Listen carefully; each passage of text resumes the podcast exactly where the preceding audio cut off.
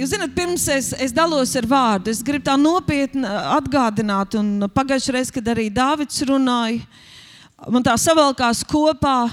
Nav jautājums par to, ka mācītājs vienmēr tiešām lūdz un saņem, un tad viņš kādreiz saka, vai tu nevarētu sludināt, un Dārvid, vai tu nevarētu kalpot, un vēl kāds.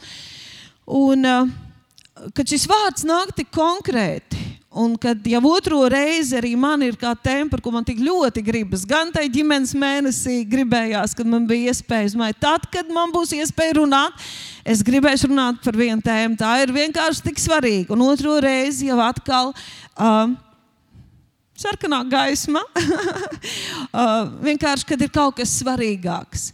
Un tā, tā bijība jau pagājušajā reizē sežot, ka bija vārds uh, par šo te, ka mēs esam jūtīgi ka mēs ātri aizvainojamies. Uh, es sēdēju, un man bišķucīt bija bail. Un pēc tam, kad bija trešdienas lūkšanas, un arī, kad mēs kalpotāji lūdzam, un kad es pat lūdzu, es sapratu, ka šī mana lūkšana nav par to, lai es tagad piedotu, lai tur nebūtu kāda rūkuma pret kaut ko. Jo nu, tad es nevarētu dzīvot un kalpot. Ja tas tā būtu, būtu ļoti grūti to darīt.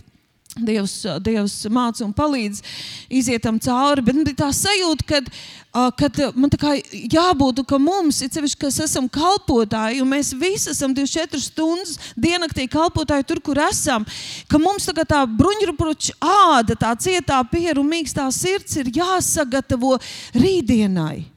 Jo mēs gribam atmodu, mēs gribam Dievu slavu, Dievu godību zemes. Mēs sakām, Dievs lieto man, vismaz es tā saku. Es gribu būt par svētību cilvēkiem. Es gribu būt tā, kas ņem no nāves, no tumsas un laiž uz debesīm, ņem no nāves un laiž uz debesīm.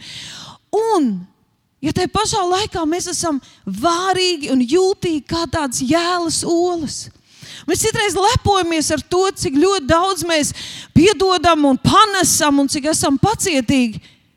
Un nodaram pavisam paši, pat nenojaušot tik ātri citiem pāri. Kaut kur ieduram un iekožam un uzminam. Un, bet jā, mums to izdara. Ir cilvēki, tiešām, kas lepojas, es tā māku piedot, es tik daudz piedodu, lūk, kas man nodarīts, bet es piedodu. Un tad tu pēkšņi tā dzirdi no citiem, oi, mēs tur bijām ilgāk kopā. Tas cilvēks gan ir jūtīgs. Nepārtraukti apvainojas. Nevar saprast, no kuras puses viņam pieiet. Vajadzētu pateikt to un to, bet nē, nedrīkst, nedrīkst pateikt. Viņš ir apvainosies, viņš aizvainosies. Kādreiz es vienkārši, hei, kā tas iespējams? Un tas ir iespējams, un tas, mēs ar to saskaramies. Tev liekas, tu piedevi, tu piedevi, met zemē, met zemē. Vai ne? Bija vārds, mēs metam, metam, metam zemē, un tad pēkšņi ir kaut kas vēl. Un izrādās, nekas nav nomests zemē. Ir atmiņa strādā. Viss punkti nāk atpakaļ. Un tad, ja es ļoti konkrēti saku, ja jūs cilvēkiem viņu noziegumus, pāri darījums pret jums personīgi, noziegums, pāri darījums, nepiedosiet, tad jums arī netiks piedots. Un es saprotu, cik nopietna tā Dieva tēva rūpe ir par mums. Cik nopietnā situācijā mēs atrodamies. Kad ja Dievs māca, ka pat jāmīl savi ienaidnieki, es nezinu, cik daudz mums ir tādu tiešām ienaidnieku. Bet mēs atļaujamies par ienaidnieku padarīt savu tuvāko laulībā, ģimenē, rados, draudzē. Mums jau šeit ir ienaidnieki, uz to dusmīgi, uz to apvainojušies. Tā ir tāds tiešām cāļu olas. Tikai pieskaries un jau plīst.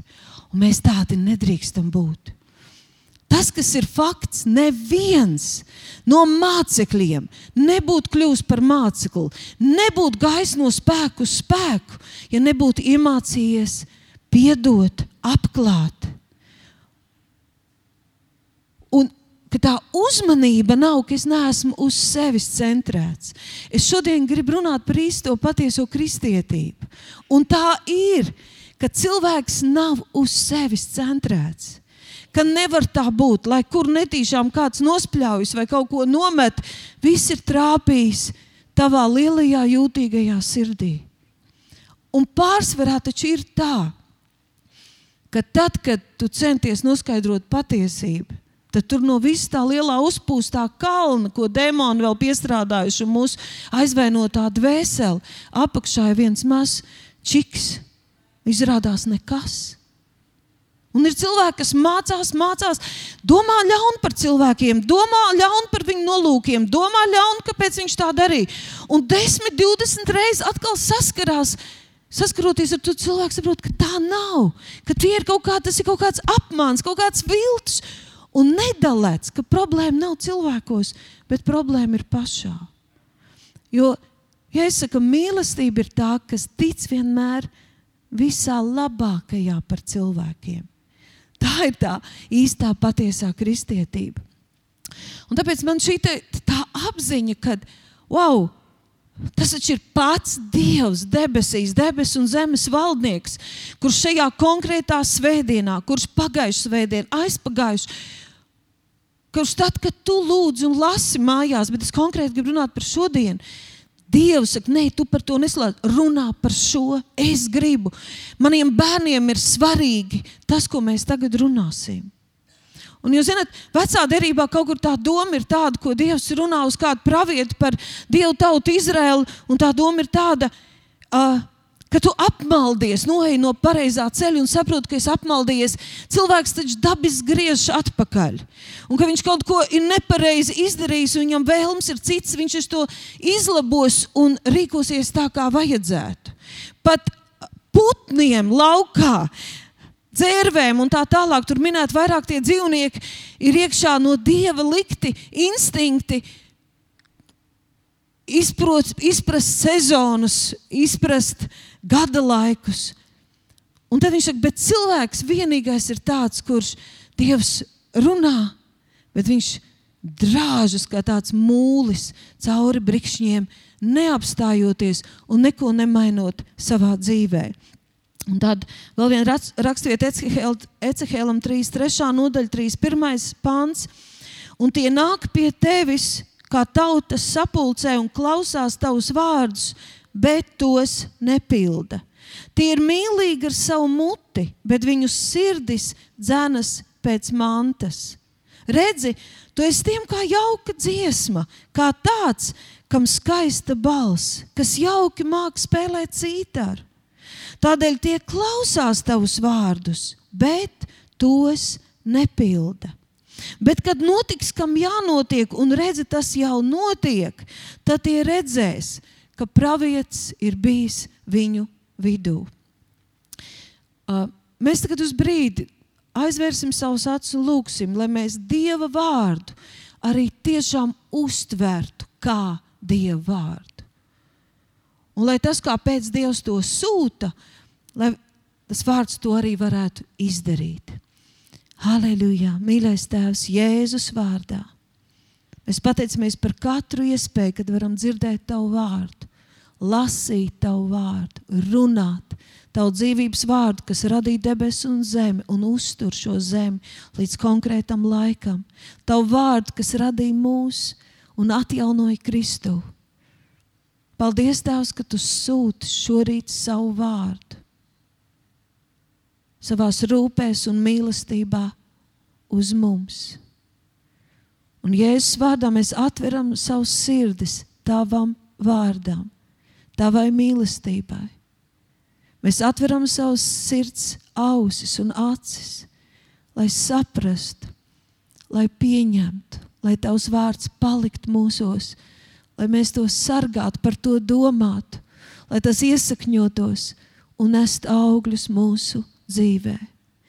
Paldies, ka tu esi dāvinājis mums spēju domāt, analizēt, uztvert, spēju koncentrēt uzmanību, spēju sadzirdēt un pieņemt tavu vārdu. Halleluja! Paldies, Tēvs! Paldies, ka tu sūti to mums man šodien. Amen! Halleluja!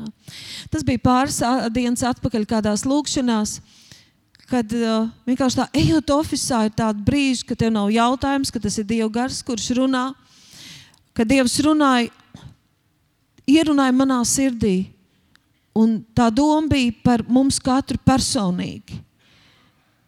Un viņš teica, ja man nav tava sirds, ja man nepieder tava sirds, tad man nav nekā. Ja man nav tavas sirds, man nav nekā no tevis. Jo mēs zinām, kad uh, Pāvils Svētajā garā korintiešiem 13 arī saka, ka viss tas, ko mēs darām, mēlis kāruši, pat varbūt pareizi un labi, bez mīlestības. Nedaram viņam, un viņam nav iespējams darīt bez mīlestības.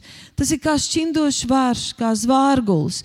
Gan nauda, ko dodam, gan mēs tur kaut ko skrienam un darām tāpēc, ka tā vajag.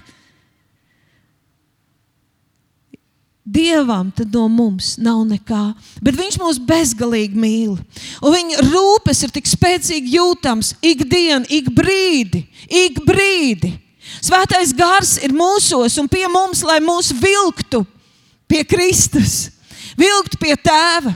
Jo Kristus, kurš ir galva, draudzes galva būdams, nomirdams par mums, ir savienojis sevi ar mums. Un viņš ilgojas mūs kā līgavu, kā viņa bērns. Paņemt sevi, beigās paņemt godībā, paredzot, ka mēs nekad nebūsim šķirti no viņa. Halleluja! Viņš mūs mīl ar tik karstu, dedzīgu, beznosacījumu mīlestību, kurā nav nekāda trūkuma, nekāda nosodījuma, nekāda pazudinājuma.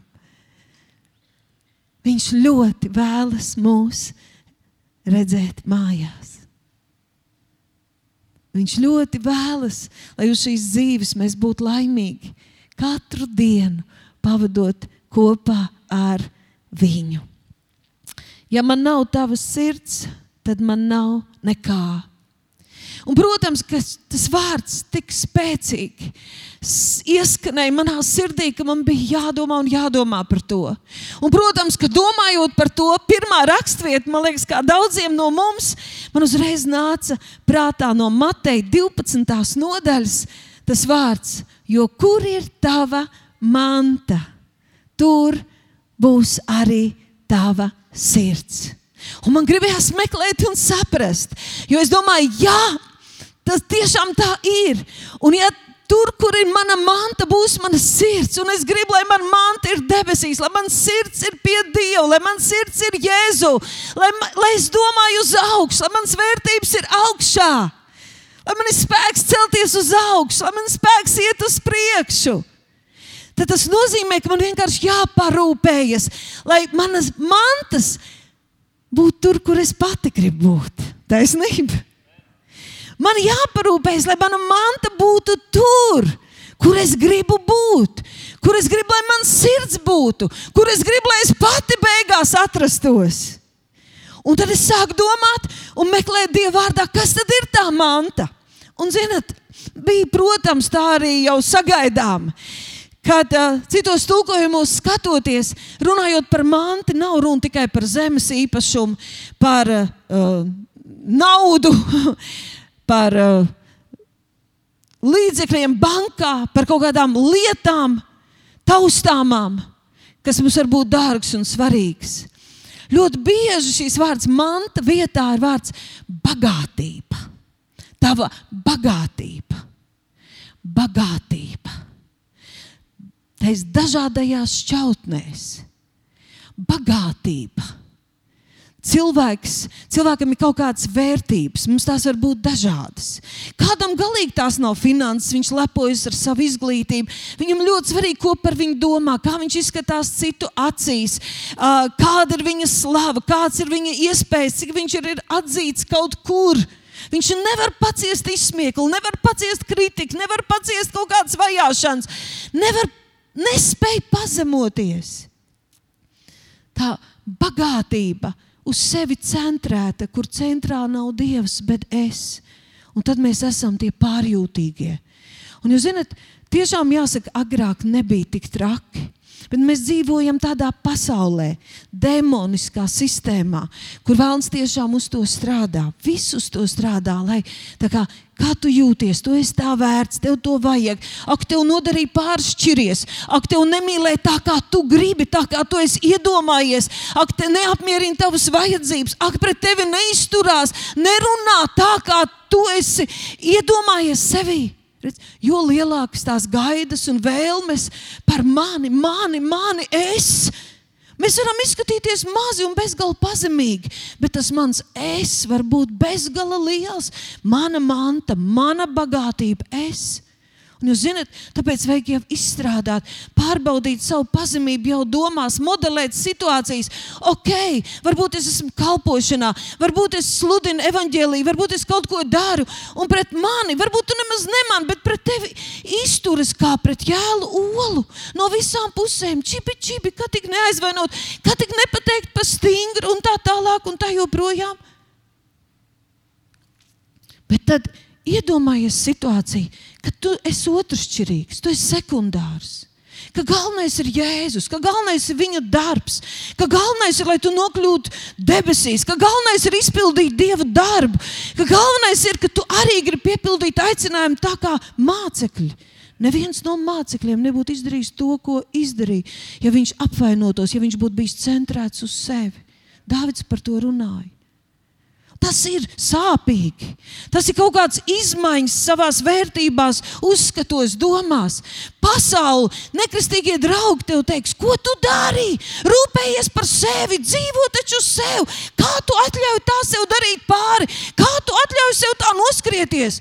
Bet tu zini, tad, kad tev atverās mūžības perspektīva Dieva klātbūtnē, Tad, kad svētais gars tev atkal un atkal atklāja un apliecina, ka tu esi mūžīgs, ka tev pieder mūžīgā dzīvība, ka šīs zemes dzīve ir šitik īsa.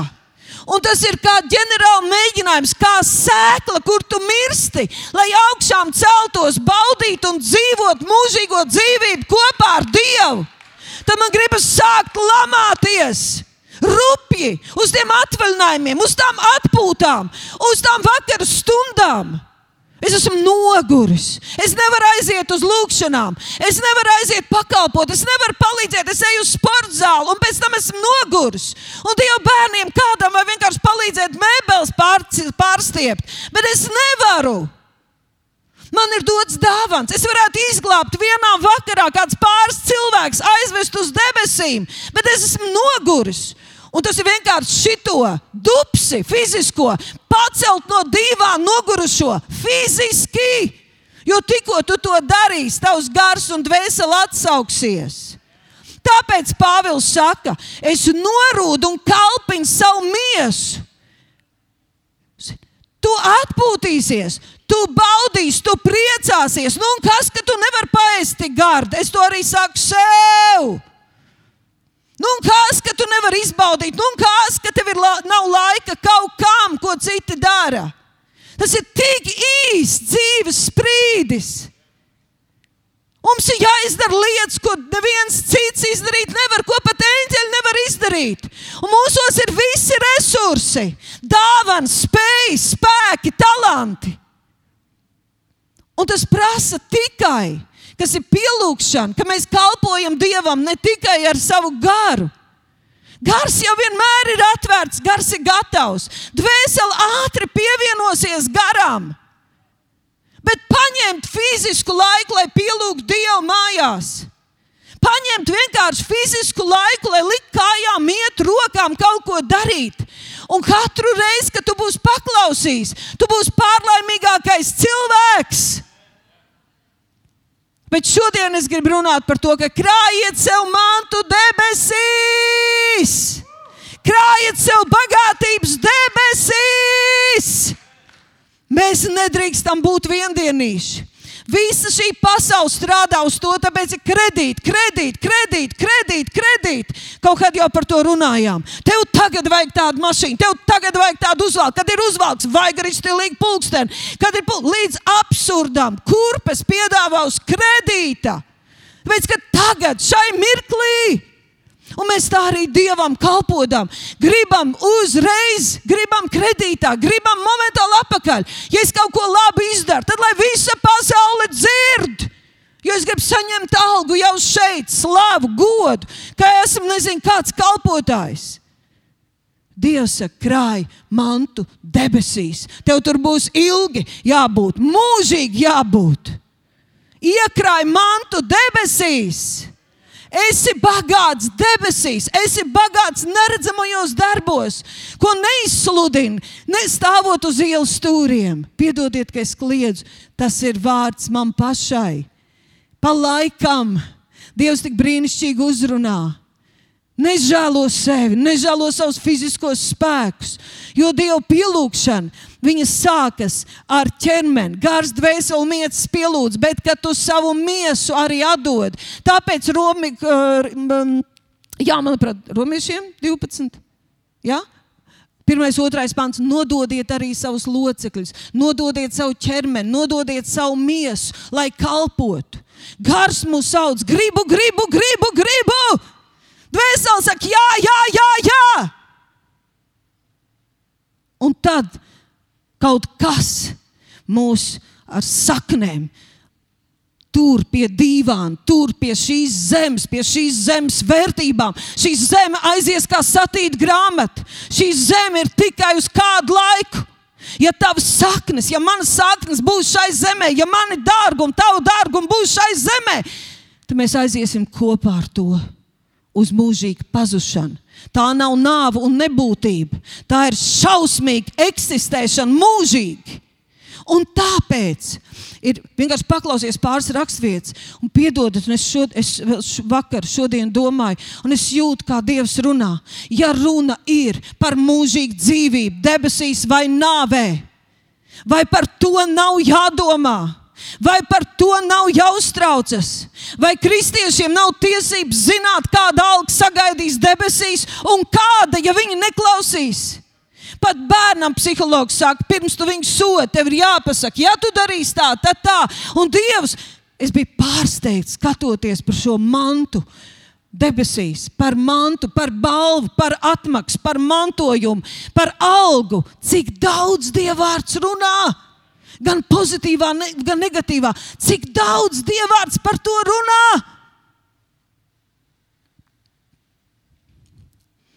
Atklāsmes grāmata, 22. nodaļa, 10. pāns.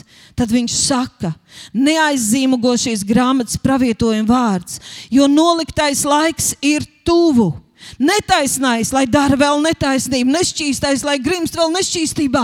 Es saprotu, ka uz pašām beigām aizvien grūtāk būs izlausties no tā vāveres riteņa, no kaut kāda cikla. Netaisnais, nešķīstais, bezdievs. Dievvvārds bieži runā uz kristiešiem. Tas vien, ka tu esi kristietis, nenozīmē, ka viss jau ir. Bezdievs ir tas, kas nedomā Dieva domas, kas saka, Jēzus ir kungs, bet domā savējās tāpat kā visi apkārt un neko nemaina savā dzīvē. Tas ir cilvēks bezdievs, kristietis bezdievs. Un te var redzēt, ka pašā pēdējos laikos būs kaut kāds tāds cikls, ka būs ļoti grūti izrauties un iet pret straumu. Šī strauma paliks aizvien spēcīgāka. Bet paldies Dievam, vēl ir žēlastības laiks. Un žēlastība, Dieva žēlastība ir dota, lai pagrieztu uz straumu vēl daudziem citiem, ne tikai tavā dzīvē, pret straumu uz debesīm, lai tu grieztos ar visu savu būtību un ņemtu daudz citus līdzi. Tātad nešķīstais, lai grimst vēl nešķīstībā, bet taisnais, lai dara arī turpmāk taisnību. Svētītais, lai pastāv arī turpmāk svētumā. Redzi, svētais, lai pastāv svētumā.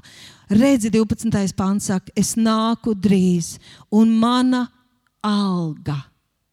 Es nāku, un mana alga atmaksa līdz ar mani ikvienam atmaksāt pēc viņa ticības, gribēšanas, ilgām. Man ir tik daudz attaisnojumu, kāpēc nē. Man aizvainoja, man nesaprot, esmu nogurusi. Tu debesīs arī būsi nogurusi. Vienmēr nogurusi. Nav laiks. Ko tu dari vakaros? Atpūties. Tev jāizvēlas, kāda atpūsties. Protams, es nerunāju par normālu. Dievs ļoti rūpējas. Mums jārūpējas par savu ķermeni, par miegu, pareizi par svaigu gaisu, par pareizu ēšanu. Es tagad par to nerunāju. Bet Dāvidam laikam bija tāds, kur reps neiznieko savu dzīvi.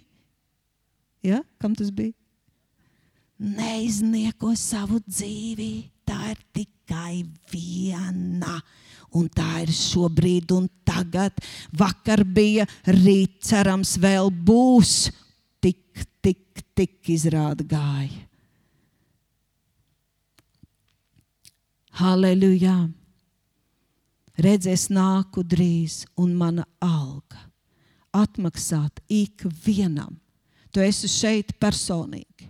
Aizmirst par visiem citiem atmaksāt tieši tev. Ja es saku, viņš nāks un viņš atmaksās, viņš nepaliek parādā. Viņš nepaliek parādā šeit uz zemes. Ebrejiem vispār nebija jautājumu par, par finansēm, par to, ka Dievs svētī, ka Dievs glābi no, no nelaimēm tos, kas ir derībā ar viņu. Tikko Dievs teica Abrahamam, es gribu tevi svētīt, viņš prasīja, ko tu man dosi? Tāpat arī mācekļi ebreji.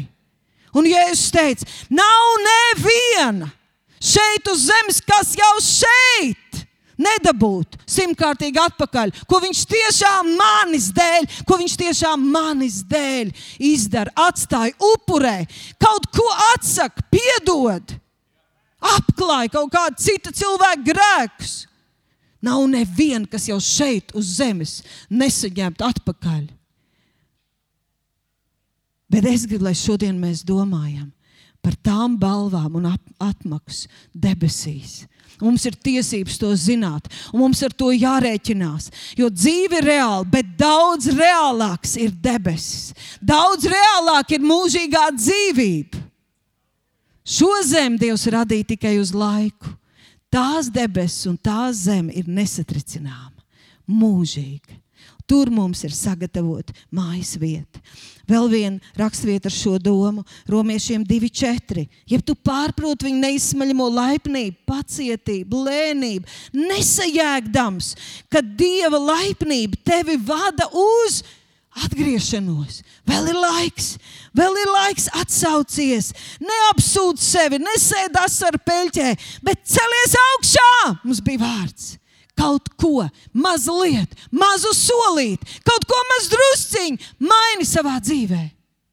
Es neprasīšu, bet ja tu pieņem, ka arī toreiz Dievs nomainīja man vārdu, neļauj sludināt to, ko es tik ļoti pati gribēju, un iedevu šo vārdu uz augšu, uz augšu, pa solīti, mazlietiņu.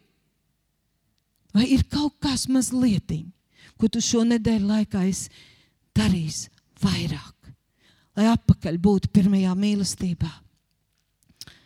Tātad Dievs dod savu pacietību, lēnību, laipnību, lai mēs varētu atgriezties, lai palīdzētu citiem atgriezties.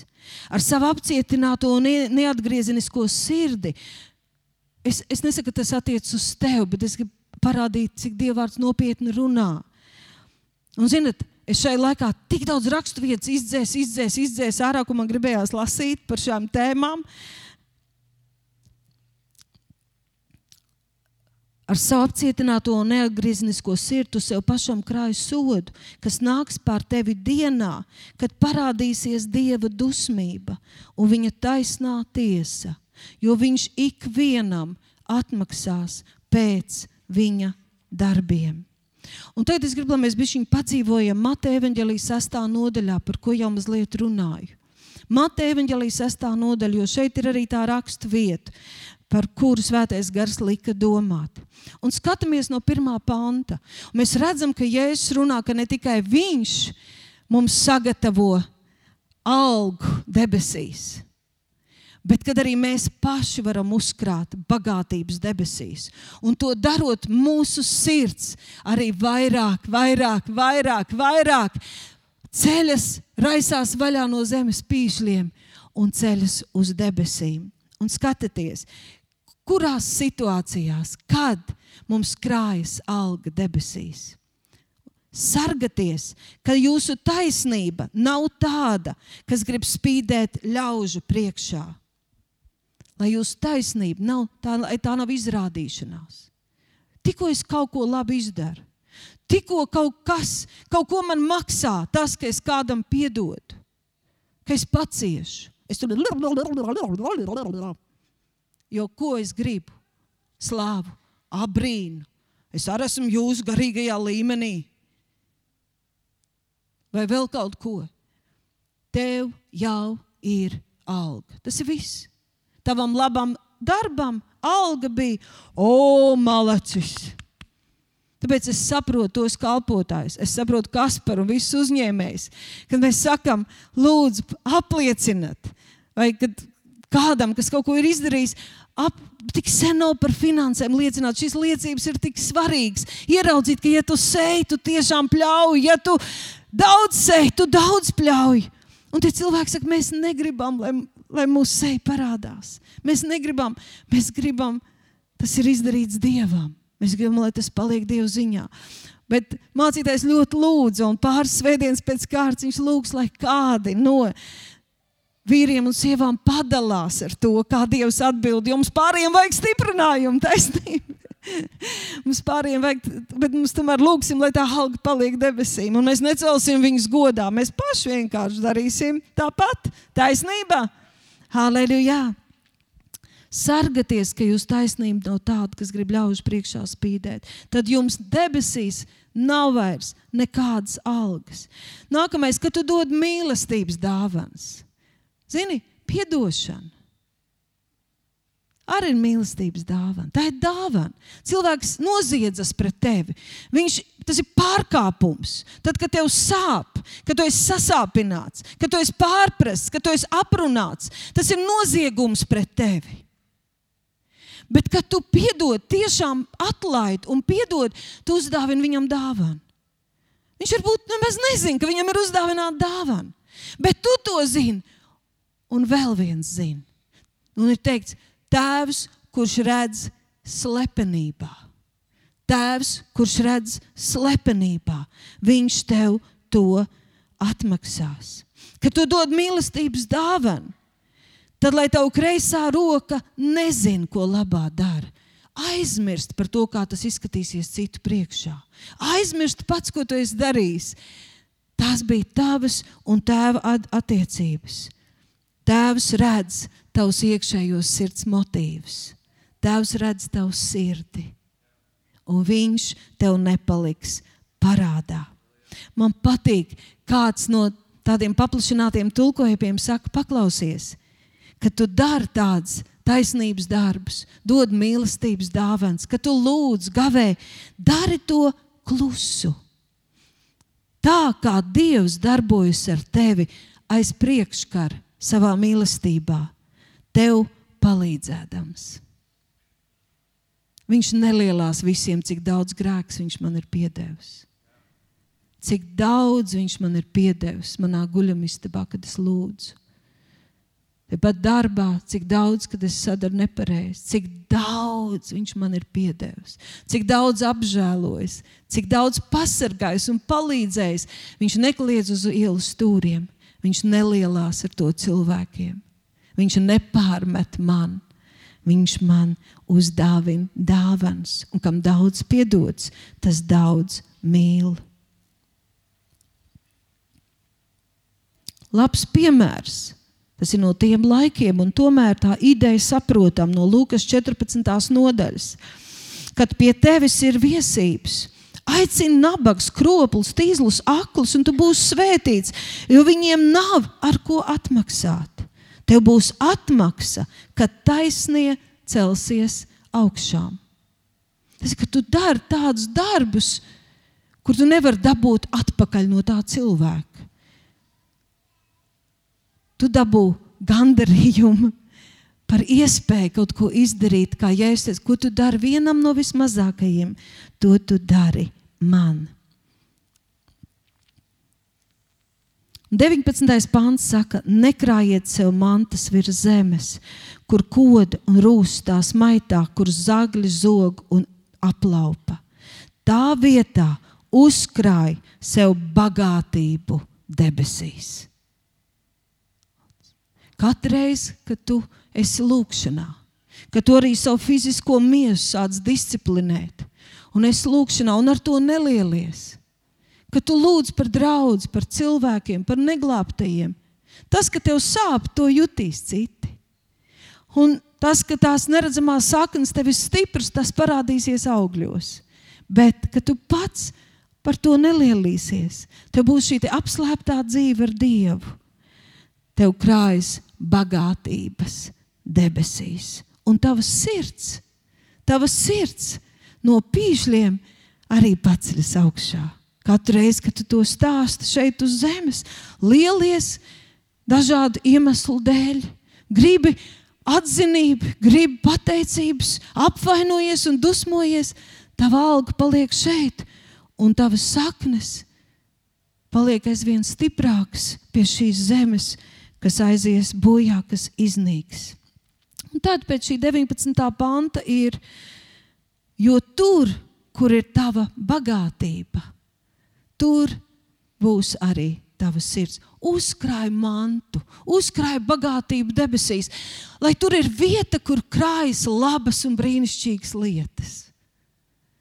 Lai tur krājas labas un brīnišķīgas lietas, jo kur tava bagātība, tur būs tu pats. Un tas ir tīri loģiski, ka tur, kur ir tava bagātība, par to tev gribēsies domāt, par to tur tev gribēsies atrasties un tīri dabiski beigās tu atģidīsies, ka tu esi tur, kur ir tava bagātība. Un, ja kungs, kungs mums būs tikai ar muti, tad beigās mēs atģidīsimies, ka mēs esam tur, kur bija mūsu īstās vērtības, kam mēs vergojām, ko, kam upurējām savu dzīvi, izgājām uz kompromisiem, nododot Jēzu. Mēs paši atradīsimies tur, kur mēs noteikti nevēlētos būt. 24. pantā ir teikts, neviens nevar kalpot diviem kungiem.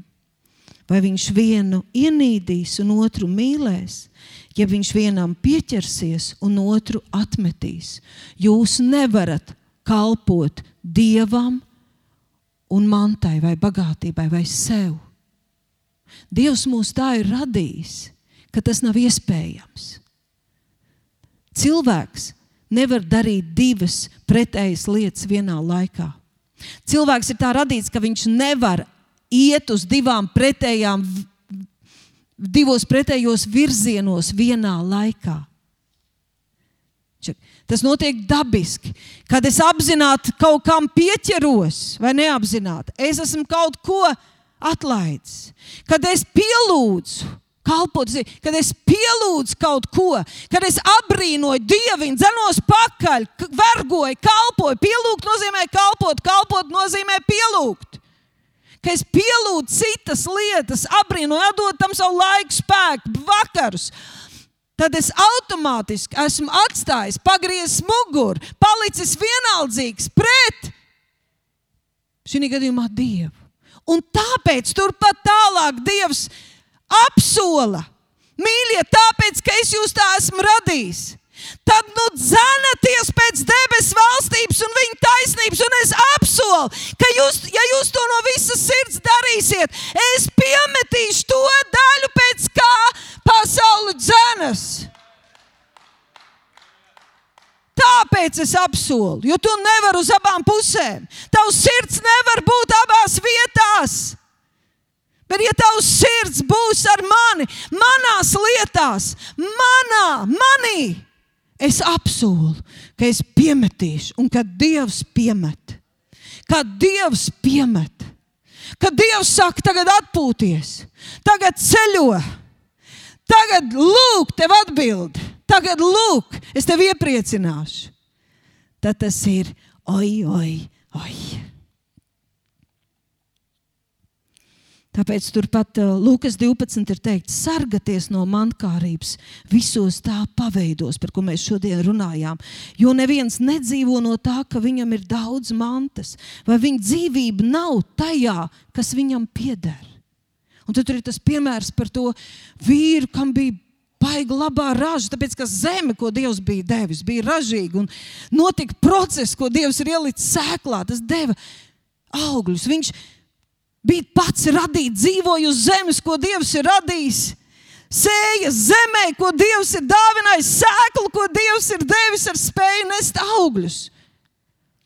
Un tad viņš teica, nu taču beidzot, beidzot es tagad nojaukšu šo, uzcelšu šo, vēl plašāk šo. Beidzot teikšu, miers dvēsele. Bet cilvēks ir tā radīts, ka nē, uz zemes ir jārukā. Vai nu uz vienu pusi, vai uz otru pusi jārukā, jāstrādā. Jākalpo, jābūt aizņemtiem, jābūt nogurušiem, jāriskē, jāpiedzīvo, ka tev nicina, ka tev izsmē, ka tev pārmet, ka tev izmet no kaut kurienes, tāpēc, ka tu mīli Jēzu, tāpēc, ka tu ej uz debesīm. Tāpēc, ka tu esi no debesīm, tāpēc, ka tu maksā kaut kādu cenu, tāpēc, ka tu atšķiries no citiem kas iet pretējā virzienā, tāpēc, ka tev ir gala mērķis, tāpēc, ka tu jau esi atpirkts, nomazgāts. Halleluja! Pamācībās teikts, tavu bagātību neko nepalīdzēs tā kunga dusmības dienā, bet taisnība glābi no nāves. Halleluja! Un tad ir fantastisks piemērs tieši precīzi par šo tēmu. Kāds jauneklis, superīgs jauneklis, dievbijīgs jauneklis Viņš ir acīm redzot, kārtīgi audzināts. Viņš ir turējis visu bauslību, cik vien iespējams. Viņš var sist sev uz pleca, viņš var lepoties ar to. Bet kopš Jēzus kalpo un sludina, un viņš kaut ko jūt un dzird, un sajūt to atmosfēru, kaut kāds nemieris viņā ceļas. Viņš nevar to izskaidrot. Un viņš piekļūst Jēzum, kas jau ir liels brīnums. Un viņš prasa viņam, kā lai es iegūstu mūžīgo dzīvību. Un, ja es saku, tur, tu zini, tur ir viss baušļus. Atcerieties, ja es vēl nav miris, tas ir vecās derības laiks. Un šis puisis saka, es to visu esmu darījis. Un tad, ja es viņam saku, tu tiešām gribi man sekot pa īstam? Tu tiešām gribi atsaukties tam slāpēm, kas ir tevī. Tu tiešām gribi atbildēt tam īstajam jautājumam, kas tevī mostās. Tu tiešām gribi man sekot?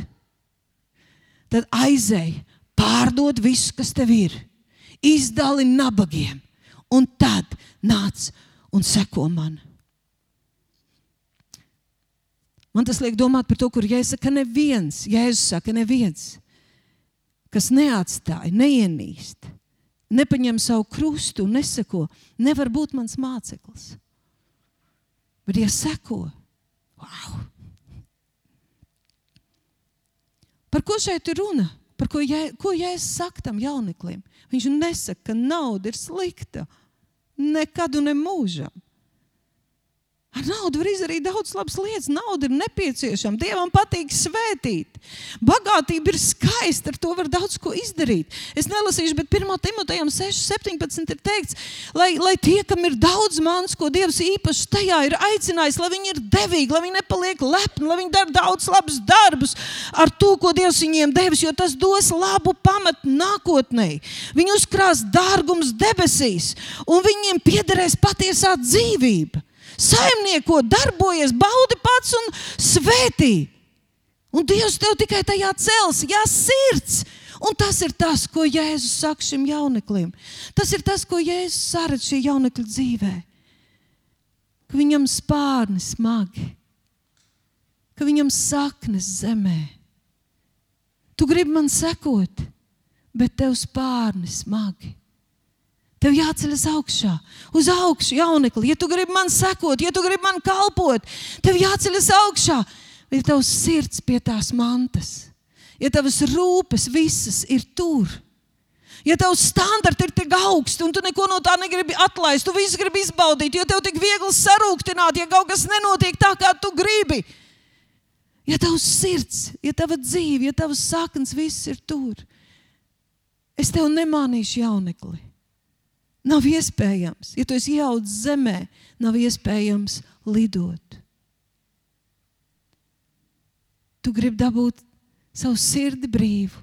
Šī gadījumā jauneklim bija pārdot visu. Kādam būs piedod pa īstam. Pārstāj kaut ko darīt, atlaid vaļā cilvēkus, aizver savu muti un sāc tiešām mīlēt, un atver tikai tad, kad tu patiešām mīli pat savus ienaidniekus. Wow, tas ir smags darbs, tā tās ir liels cīņas. Bet jā,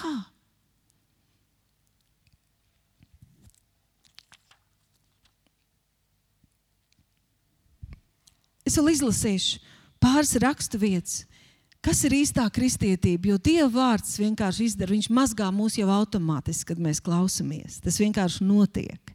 Lūkas 6. nodaļa, no 20. panta. Tur ir teikts, ka Jēzus kalpo. Tur cilvēki par viņu priecājas, nes visu, viss tiek dziedināti, jo tajā laikā par viņu šis īpašais svaidījums, dziedināšanas svaidījums. Visi nāk, priecājās. Bet viņš pagriežas pret saviem mācekļiem. Tagad klausieties, jaunā darība jau ir pilna ar patieso kristietību, ar praktisko kristietību. Viņš pagriežas pret saviem mācekļiem un saka, svētīgi jūs garā nabagi. Jo jums pieder debesu valstība. Tie nav plānprātīgi. Tie kā, viņiem nekad nepietiek, viņi grib vairāk. Viņi jūtas tik atkarīgi. Viņi jūtas tik, tik bezspēcīgi bez dieva. Viņi grib vēl un vēl viņu tuvumu, viņi grib vēl un vēl viņu iepriecināt. Svētīgi jūs, nabagi, jums pieder Dieva valstība. Svētīgi jūs, kad esat izsalkuši. Tā nav runa tikai par, te nav runa par fizisko izsalkumu, bet arī, ja kādreiz aktu mūžs.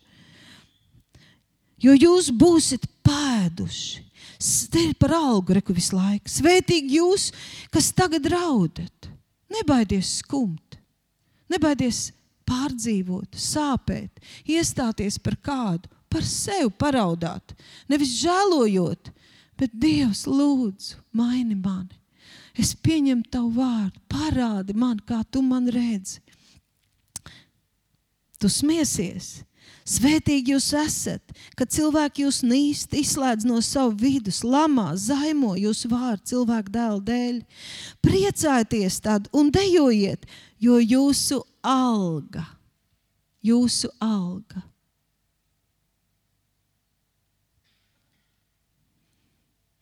Mūzis ir teikts, ka viņš atrada spēku. Viņš atrada spēku atteikties no tā mirkļa, no, no, es paņemšu kredītu un tagad izbaudīšu. Tur ir teikts, Eģiptes bagātības viņam piedāvāja. Šai mirklī, tagad, tagad atpūtu, bagātības, cieņu, prestižu, gardus ēdienas, izklaides. Tas viss viņam bija tagad. Viņš tai vietā tagad izvēlējās ciešanas un negodu kopā ar Dievu tautu. Un tad ir teikts, kur viņš dabūja spēku. Viņš raudzījās uz atmaksu. Viņš nebija taurinīts. Viņš zināja, ka viņš dzīvos mūžīgi.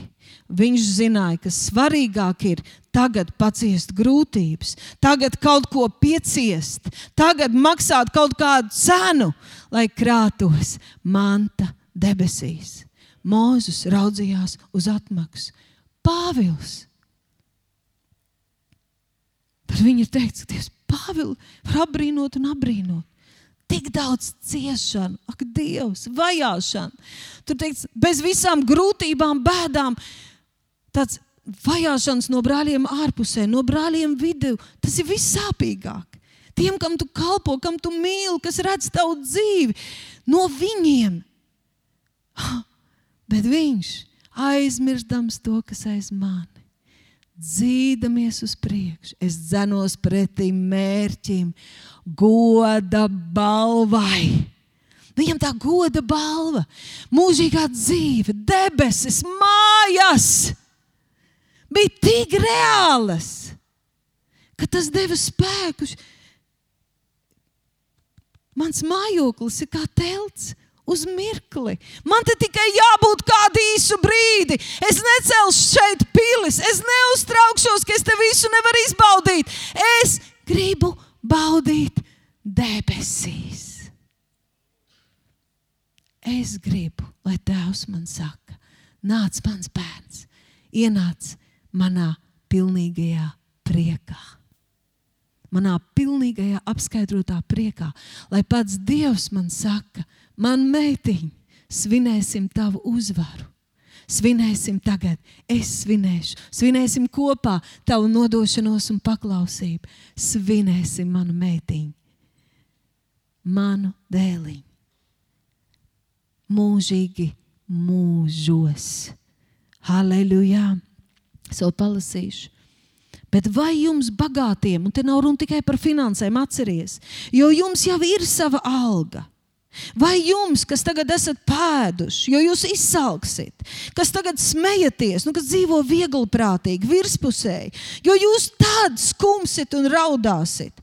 Vai jums, kad visi ļaudis jums teica glaimus, to pašu viņi darījuši, jūs, darījuši viltus praviešiem, bet jums, saviem klausītājiem, es saku, mīliet savus ienaidniekus, mīliet viņus Nevis vienkārši piedodat un esat vienaldzīgi, bet mīliet viņus. Darat labu tiem, kas jūs ienīst. Svētījiet tos, kas jūs nolāda. Svētījiet no visas sirds. Lūdziet par tiem, kas jūs kaitina. Ja jūs mīlat tos, kas jūs mīl, kāda pateicība jums nākas? Arī grēcinieki mīl tos, kas viņus mīl. Un, ja jūs saviem labdariem darāt tikai labu, kāda pateicība jums nākas?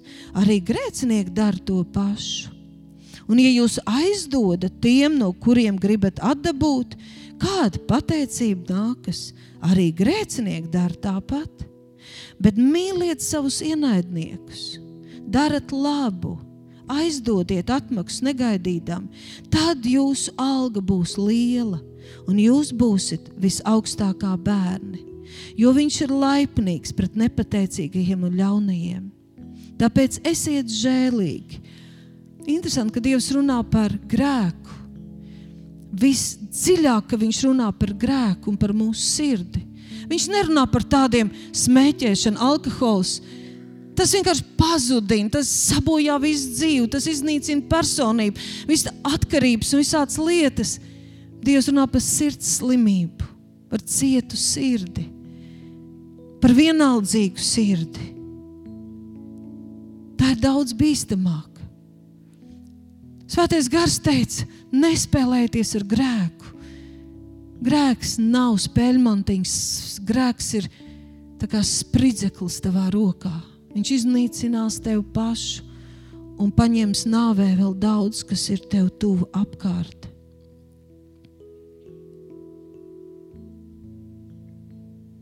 Ja jūs netiesāsiet, netapsiet tiesāti, ja jūs nepazudināsiet, netapsiet pazudināti, piedodiet, tad jums taps piedots. Romiešiem 12.10 teikts, brāļu mīlestība jūsu starpā, lai ir sirsnīga, tā doma ir pastāvīga, vienmēr neatkarīgi kā pret tevi uzvedas, neatkarīgi, ko tu par kādu esi dzirdējis, neatkarīgi kā tas izskatās. Pastāvīgi šī mīlestība ir pastāvīga un sirsnīga. Centieties citu pārspēt cieņā. Savā darbā neesiet kūtri, esiet dedzīgi garā, gatavi kalpot tam kungam, priecīgi cerībā, pacietīgi bēdās, neatlaidīgi savā lūgšanās.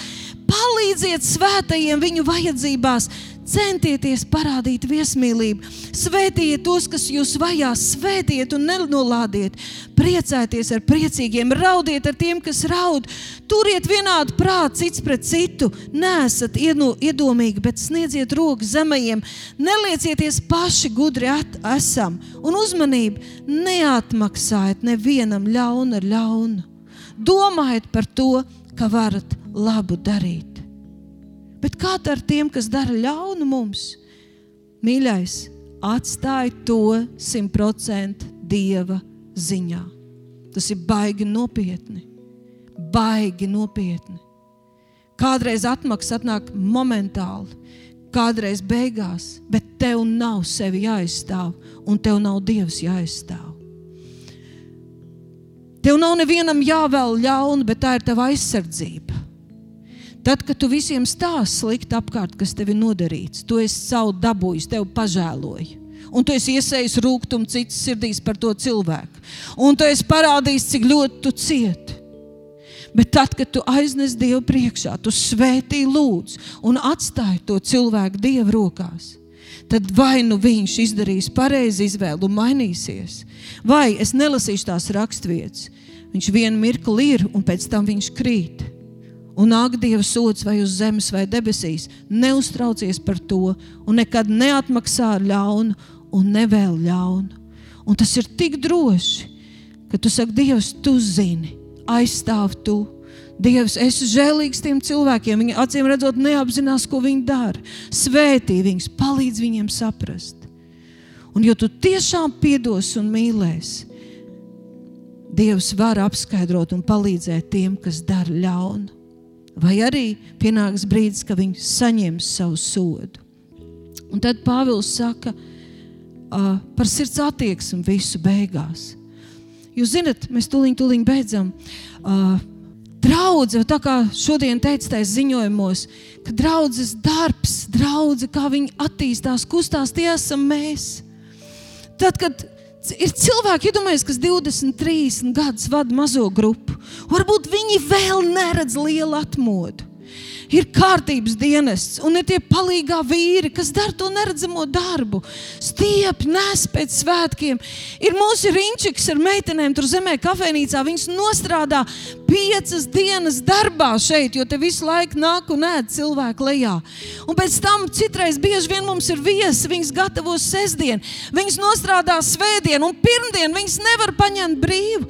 Viņas atkal no rīta jau sešos ceļas, pus, citreiz ap pieciem piekrastos, un ap sešiem, septiņiem ir kādreiz jau sešos te, lai sāktu sagatavs. Un kad tu parunā ar Irīnu, es viņu gandrīz nekad neesmu redzējusi nogurusi, dusmīgi, pārmetoši. Viņa ļoti labi zina, ka viņa krāja algu debesīs. Viņa saka, tas ir tas veids, kā es varu svētīt. Tas ir tas veids, kā es varu svētīt cilvēkus. Un, un tad, kad mēs saskaramies, te man vecāki ir, uh, ats, uh, viņu, viņu mamma un vecmāma, kas mana vecmāmīte, kas jau ir mūžībā, viņi, mēs tie saknes senie baptisti. Jūs zināt, tā draudz sastāvēja no tā, ka rociņas kājiņas cilvēki atdeva, kalpoja Dievam, atdeva ne tikai savu garu, es piedaru Jēzum, bet savu ķermeni.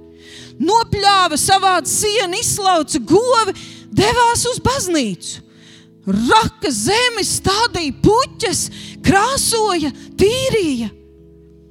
Un mēs kādreiz, kādreiz tiešām tādu bišķiņu sāpju, mēs gan lepojamies, ka kādreiz ir uz projektiem 70% cilvēku kalpo. Tas ir fantastiski, ka iesaistās. Bet tad, kad mēs domājam, kāda mazā grupa, kaut kādas grupas, kā cilvēki nāktu, nu reizi mēnesī, reizi divos, palīdziet iztīrīt toplets, nospodināt spoguļus. Te ir tik daudz stikla, jaunā namā. Būs, ka vajag dārzu paravēt, patīrīt, kaut kur pielikt. Tie, kam varbūt nav tik daudz iespējas strādāt, lai naudu pelnītu, garīgi stiprināt, kādu iepriecināt, aizbraukt pie kādu slimnīcu. Vadīt mazo grupu, atvērt savu māju, jā, jāatskrien ātrāk, jāiztīra. Bet kādu stiprināt? Tas prasa tikai pacelt pēcpusi. Un tad, kad apzvan visus, un visi ir tik aizņemti, un atkal nāk tās pašas māsas, kas vienmēr. Un man jau nērts skatīties, viņas atkal tās, kas tur un tur, viņas atkal nāk un atkal dara. Tad man liekas, pakaiti. Mēs laikam esam aizmirsuši, kāda tā ir iespēja krāt mantu debesīs. Mums liekas, ja man ne, varbūt neaicina uz skatuves, ja man neliek kaut ko, tad es nedarīšu neko. Dzīve sastāv no sīkiem, maziem darbiem, kur mēs varam krāt mantu debesīs. Un tāpēc, mīļie kalpotāji, visi, kas uzticam, arī kalpojat redzamās un neredzamās vietās, neatlaidīgi, pacietīgi, piedodot, izturot Ja vien jūs neielaidīsiet sirsniņā sevis žēlošanas, kaut kādas nepareizas domas par cilvēkiem, ja vien jūs nesāksiet kurnēt, ka jūs nenovērtē, un kāpēc citi to nedara, ja jūs ar pateicību kalposiet, noteikti Dievs dos arī citus un aizdedzinās citus pēc šī vārda arī vēl, bet Dievs atmaksā tev uz zemes un debesīs. Ja tu to dari tiešām no sirds viņam un mīlot cilvēks, Dievs atmaksās uz zemes un debesīs. Tāpēc, mīļie, piedosim daudz, mīlēsim daudz, kalposim daudz, lai mēs tiktu saukti debes tēva bērni, jo viņš tā dara. Un mēs varam, ak, tu mūžs, varam Mums ir kājas, rokas. nu, kas? Ka kāds cits tajā laikā dara kaut ko citu priekš sevis.